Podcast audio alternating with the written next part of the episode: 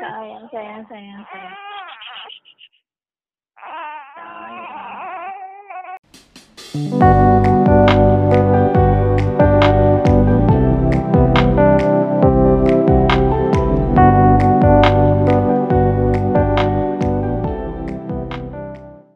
Dia tuh sebenarnya suka suka orang ngobrol dia tuh kalau sama orang ngobrol tuh mah suka dia dengerin gitu cuman posisinya tuh kan lagi tidur terus dia tuh kebangun gitu Hmm. Kalau kita sambil ngobrol-ngobrol berarti nggak apa-apa. nggak apa-apa Hmm. Oke. Ini udah aku langsung rekam loh, Ras. iya ya nggak apa-apa Oh, lama banget janjian sama mom of two ini. Gimana rasanya? Eh masya allah luar biasa. Bersyukur ya. sangat sangat sangat bersyukur. Soalnya kalau nggak kayak gini eh ya mungkin akunya nggak belajar nggak bersyukur juga. Maksudnya kayak eh, nggak dapat pelajaran baru. Maksudnya kayak ah udah gitu-gitu aja paling gitu. Cuman karena kayak gini jadi banyak banget pelajarannya. Hmm. Jadi antara kita kenalan dulu ya. Yang pertama siapa? Mhm. Syatir ya. Mm. Bisa nggak sih nama aku nggak di ini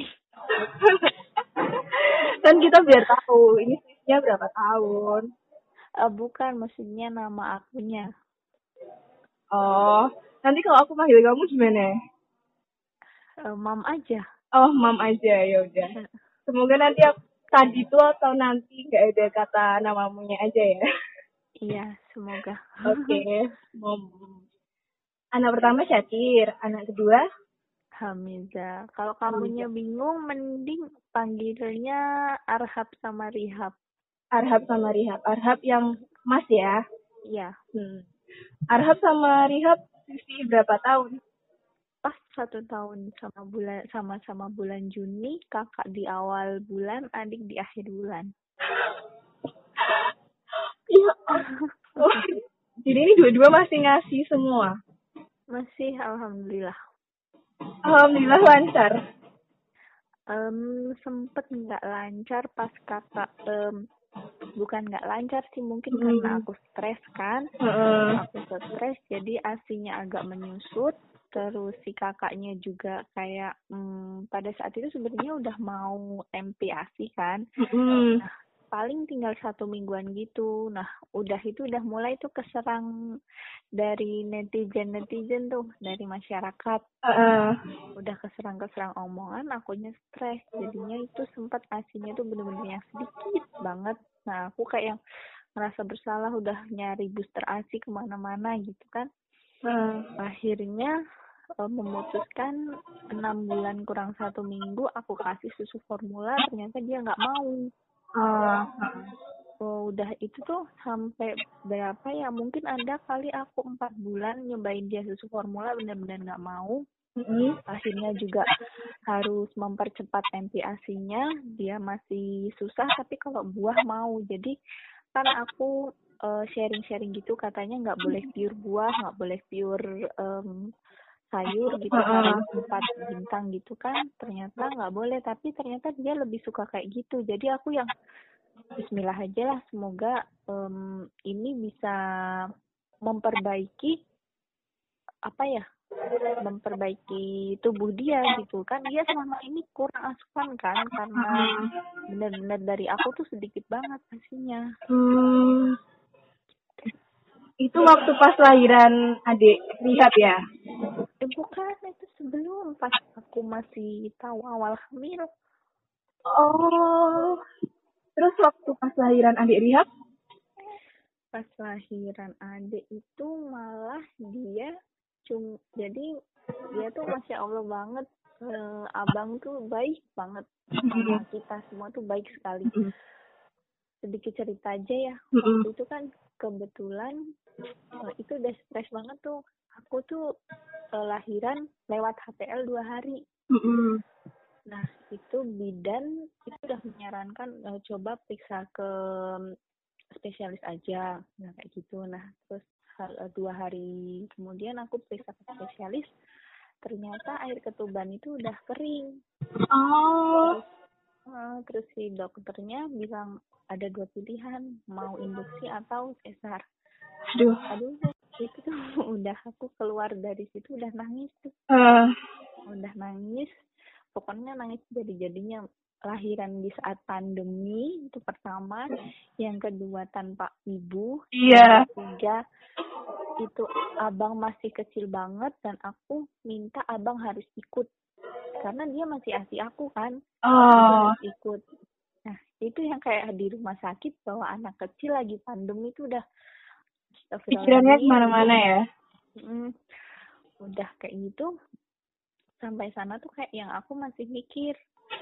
Em, aku langsung sesar atau mau eh, induksi dulu. Heeh. karena em, aku pokoknya aku tuh udah berunding nih sama suami sama perawat di sana. Mm-mm. intinya lebih baiknya gimana? Ya kalau mereka menyarankan induksi. Nah aku tuh udah ngebayangin tuh induksi tuh sakit banget.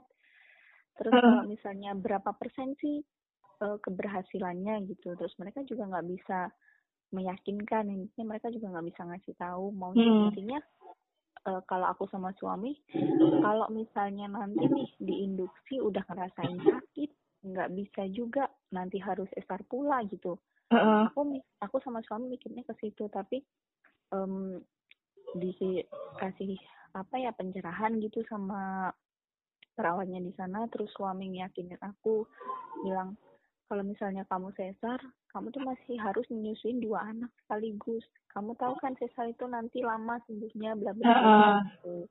Terus akhirnya aku Bismillah aja. Dan pokoknya itu tuh udah em terberatnya aku ketika aku keluar ruang periksa aku ngelihat abang abangnya ngelihat mata aku tuh dia udah kayak ayo bu kamu tuh bisa kamu kuat. Gitu gitu tuh abang tuh udah berkaca-kaca ngelihat aku tuh dalam banget. Nangis tuh.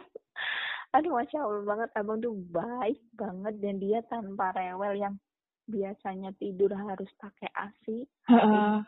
uh, nyusu aku dulu itu tuh bener-bener dia enggak. Dia legowo banget.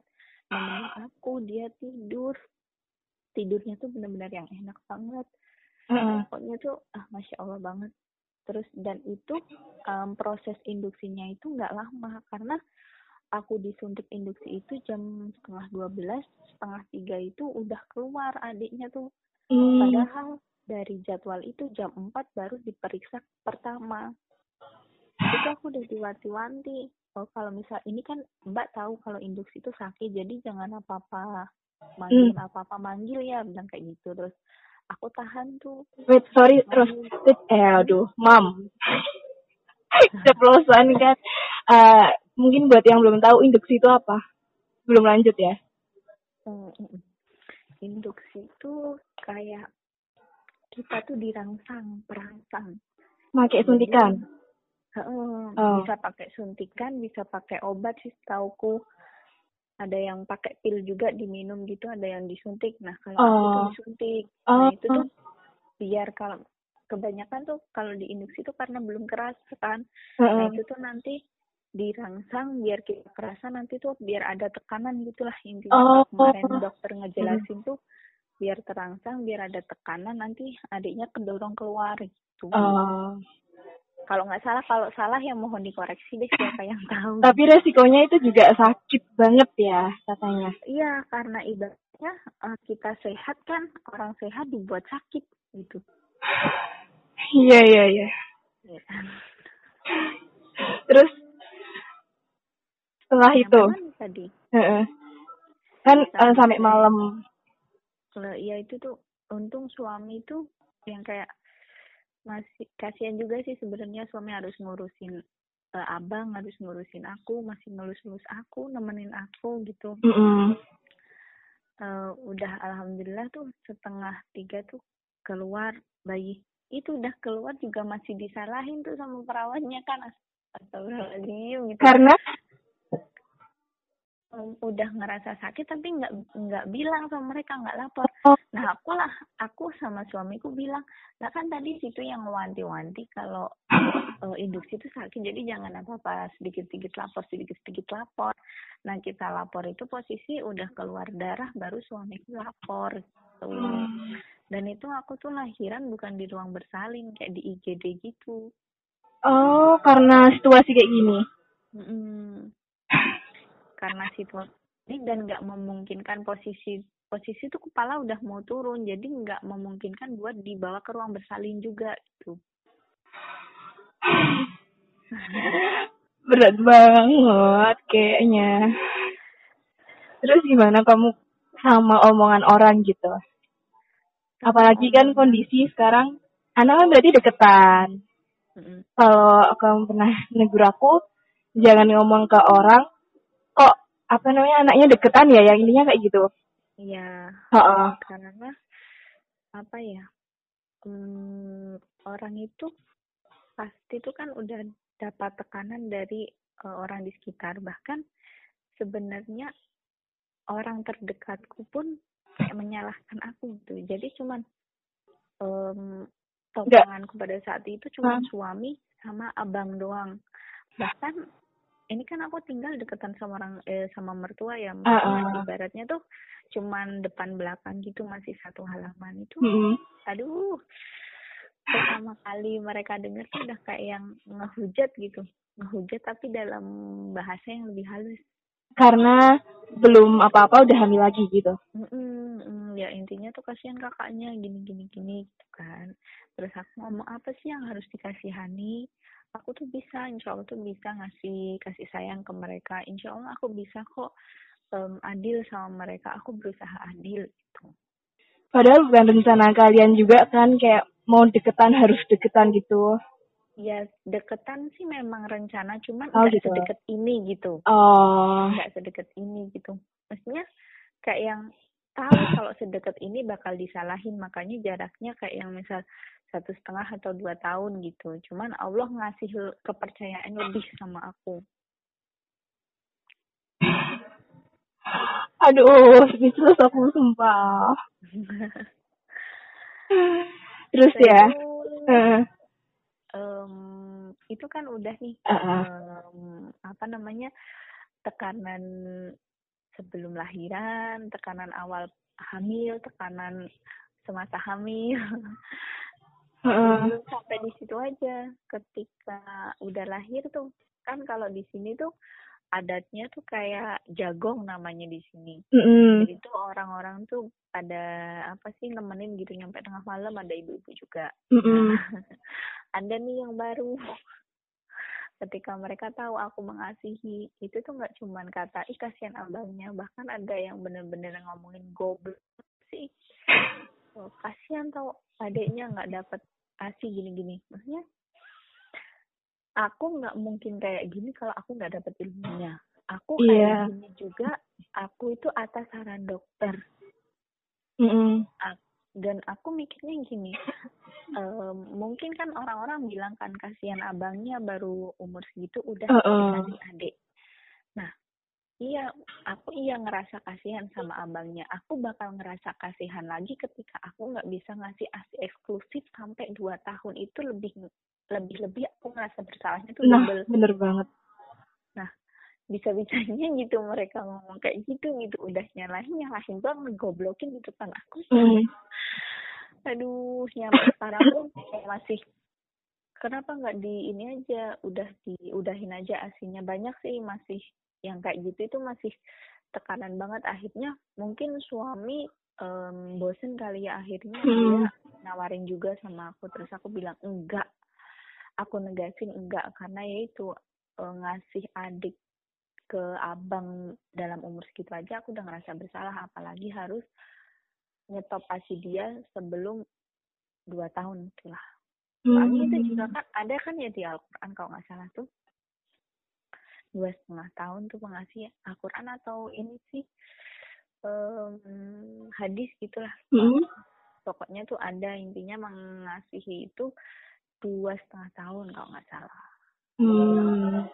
Tapi sejauh ini ada yang pernah ngejudge kamu ke arah sekolah nggak? Maksudnya udah di sekolahin tinggi tinggi tapi di rumah. Padahal kan itu istilahnya ya kuda ruas semua kan? Ada, ada sih tetap ada nih.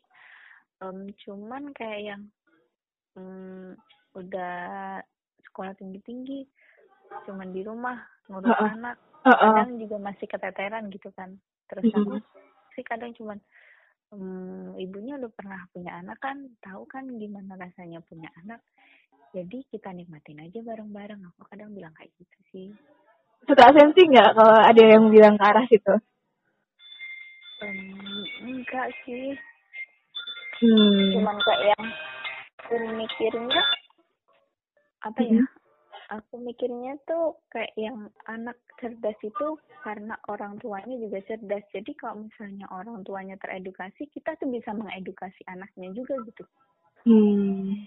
Aku sih mikirnya gitu. Jadi maksudnya um, anak pintar atau enggak itu kan tergantung orang tuanya. Kalau misalnya, misal nih maaf katanya hmm. orang awam itu kan um, cuma dari kantongan katanya. Mm-hmm. dia cuma mengantongi katanya katanya katanya. Cuman kalau misalnya kayak um, orang sekolah orang teredukasi orang beredukasi gitu kan dia benar-benar punya ilmunya. Dia tuh nggak uh, asal ngomong. Dia tuh mencari gitulah mencari mencari mencari haus akan ilmunya kayak gitu.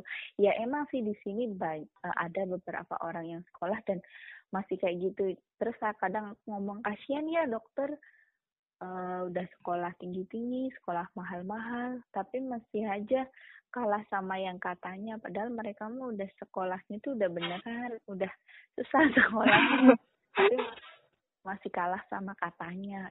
Kadang aku sih gituin terus mereka diem aja. Hmm. Berarti kalau sekarang tinggal itu uh, beda sama orang mertua ya? Satu hmm. satu daerah? Nempel dinding sih oh, nempel, dinding, dinding. sama mertua mertua tuh nempel dinding. Hmm. terus manajemen buat kan biasanya yang namanya anak sama mertua gitu kan kadang pasti ada entah masalah atau beda pendapat. Kayak gitu kalau dari kaum pribadi buat manajemennya gimana? Um, kalau aku sih um, kan yang penting tuh kalau aku ada yang nggak pas masalah. Aku kebetulan juga nggak cuma sama mertua sih kak. Mm. kakak ipar juga kurang aku, ada aja masalahnya. Dan kebetulan tuh kita satu apa sih? Maaf nih. Satu apa satu halaman ya mm -hmm. satu halaman kadang pokoknya kalau ada apa-apa sih aku selalu ngomong sama suami. Kalau misalnya lagi nggak pas sama mertua atau sama tuh pasti aku ngomong sama suami. Jadi biar nggak ngependem di hati. Aku sih cuma kayak gitu terus kayak yang nyabar nyabarin diri sendiri. Kayak misalnya kalau ada yang sharing sharing gitu mm-hmm. aku cuma bilang e, doain bisa ikhlas sama sabar aja ya aku bilang gitu karena seikhlas ikhlasnya kita uh-uh. aku sih seikhlas ikhlasnya kita itu ketika uh, kita ngelihat sesuatu yang kita kurang serg itu entah di dalam lubuk hati yang sedalam mana tuh pasti adalah rasa kurang nyaman karena tetap beda kan uh, anak sendiri sama anak mertua gitu. Uh-uh. Nah, kalau ini tuh kayaknya nanti beda topik aja deh Nin kalau misalnya mau masalah ngomongin masalah mertua tuh. iya iya iya iya ya udah. Berat memang. Nah balik lagi ke arah apa namanya lahiran. Kalau yang abang kan pas waktu itu ibu sempat ke sana ya? Uh, abang kebetulan di Jawa aku lahiran. Oh gitu. Terus yang adik yang ibu nggak datang karena pandemi juga ya? Iya, memang aku nggak ngebolehin sih karena kebetulan di daerahku itu udah zona merah. Uh. Nah, terus ya memang aku nggak ngebolehin karena misal nih uh. datang di sini nanti harus di sini karantina dua minggu, baru bisa pulang ke sana nanti di sana juga di karantina dua minggu itu kayak yang malah nggak bisa ngapa-ngapain gitu. Hmm. Jadi kayak yang pasif aja. yang Hmm. penting kita sama-sama ngedoain sehat semuanya buat yang buat yang belum tahu tentang kamu aja ya. Ini cuma sekedar info. I know you banget, apalagi waktu pas sama-sama kuliah karena kita bareng. Kalau misalkan ada masalah keluarga dikit aja tuh dibela-belain TP ke rumah demi ibu. Dan sekarang giliran mau lahiran, ngelarang ibu buat datang. Gimana rasanya? Hmm, bertentangan sama hati sih sama Jadi kayak sok-sokan gitu ya. Nggak usah datang, nggak usah datang. soal soalnya pakai banget Menguatkan. Ya, mm-mm. alhamdulillah tuh aku pokoknya tuh selalu bersyukur punya suami kayak beliau yang selalu menguatkan selalu ngerti ya walaupun kadang sih kita tetap miss-miss gitu cuman kayak yang dia lebih banyak positif thinkingnya dia yang lebih ngerti Hmm. pokoknya tuh itu waktu aku lahiran pun yang kita masih video callan masih nangis-nangis gitu. Tapi mungkin memang doa ibu kerasa sekali ya. Aku nggak mungkin bakal secepat itu tanpa doa ibu tanpa em, apa ya wejangan-wejangan dari ibu. Harus pokoknya jangan stop nih eh, baca surat-suratan. Jangan stop baca ikhlas falak nas terus em, ayat kursi al-fatihah intinya tuh selalu baca itu jangan pernah diem. Kamu ngerasain apa sesakit apa pun itu jangan stop baca baca pegangan itulah pokoknya jangan stop baca Al-Quran. Jangan stop baca surat-suratan yang udah Allah kasih. Allah tuh ngasih itu tuh buat mempermudah kita. Allah nggak nggak bakal ngasih kesulitan kesulitan itu. Allah ngasih kesulitan itu pasti tuh kita karena kita tuh mampu gitu jadi janganlah stop stop jangan kamu mikir Allah tuh jahat jangan mikir Allah itu ngasih cobaan sama kamu Allah itu tuh lagi pengen tahu seberapa sih sabarnya kita Allah ngasih itu tuh karena Allah pengen lihat kita sabar apa enggak Hmm. Andai kan ya, ibu denger nih rekaman ini. Coba kasih satu kalimat buat ibu. Em, aku sayang banget sama ibu luar Apalagi biasa beliau. sekarang udah jadi seorang ibu, makin sayang ya. makin ngerasa bersalah sih lebih tepatnya. Makin banyak ngerasa bersalah dulu gini gini gini sama ibu. Oh, ternyata aku ngerasain juga gitu. Rasa bersalah sekaligus bersyukur sih. Hmm. maksudnya kalau aku nggak punya ibu seperti beliau mungkin aku nggak mewarisi sifat aku yang seperti ini gitu aku mungkin em, ketika ini kan anak kedua ini kan kebetulan deketan ya pasti Mm-mm. ada tuh masa-masa rewelnya tuh bener-bener yang kayak kalau misalnya orang lain mungkin kan yang satu kakaknya udah ngerti yang satu adiknya belum ngerti Uh-uh. posisi aku kan sama-sama mereka nggak ngerti kalau Uh-uh. rewel tuh kayak yang kita memang ngebilangin iya nge- ngebilangin dia menyerap cuman kan dia belum ngerti gitu Mm-mm. kalau misalnya aku nggak punya ibu seperti beliau aku belum tentu bisa sesabar ini belum tentu bisa ngadepin ini dengan lebih santai lebih ikhlas ya gitu Jadi Banyak hal yang paling disyukuri ah, setelah kejadian ini, semua ini, perjalanan hidup ini, yang paling disyukuri itu apa? Uring Yang paling disyukuri dari semua hal yang disyukuri. aku nggak pernah milih sih nak. Semua yang Allah kasih aku syukuri. Aku em, ketika aku dulu cerita nih sama kamu awal aku menikah aku udah mulai belajar itu. Ketika aku memutuskan untuk menikah itu pasti kan ada badai-badai itu pasti. Heeh. aku selalu mensyukuri apa pun yang Allah kasih. Ketika ada nih cobaan banget eh, ketika di pernikahan kita ada cobaan banget aku selalu bisa mensyukuri itu ketika ada yang karena aku pernah dengar nih Mm-mm. pernah dengar Syekh bilang intinya dengar di YouTube sih kalau nggak salah Mm-mm. ketika kita mendapatkan sesuatu musibah kita dengar orang meninggal misalnya saudara Mm-mm. kita meninggal yang beliau ucapkan itu alhamdulillah dulu baru innalillahi wa inna ilaihi rajiun.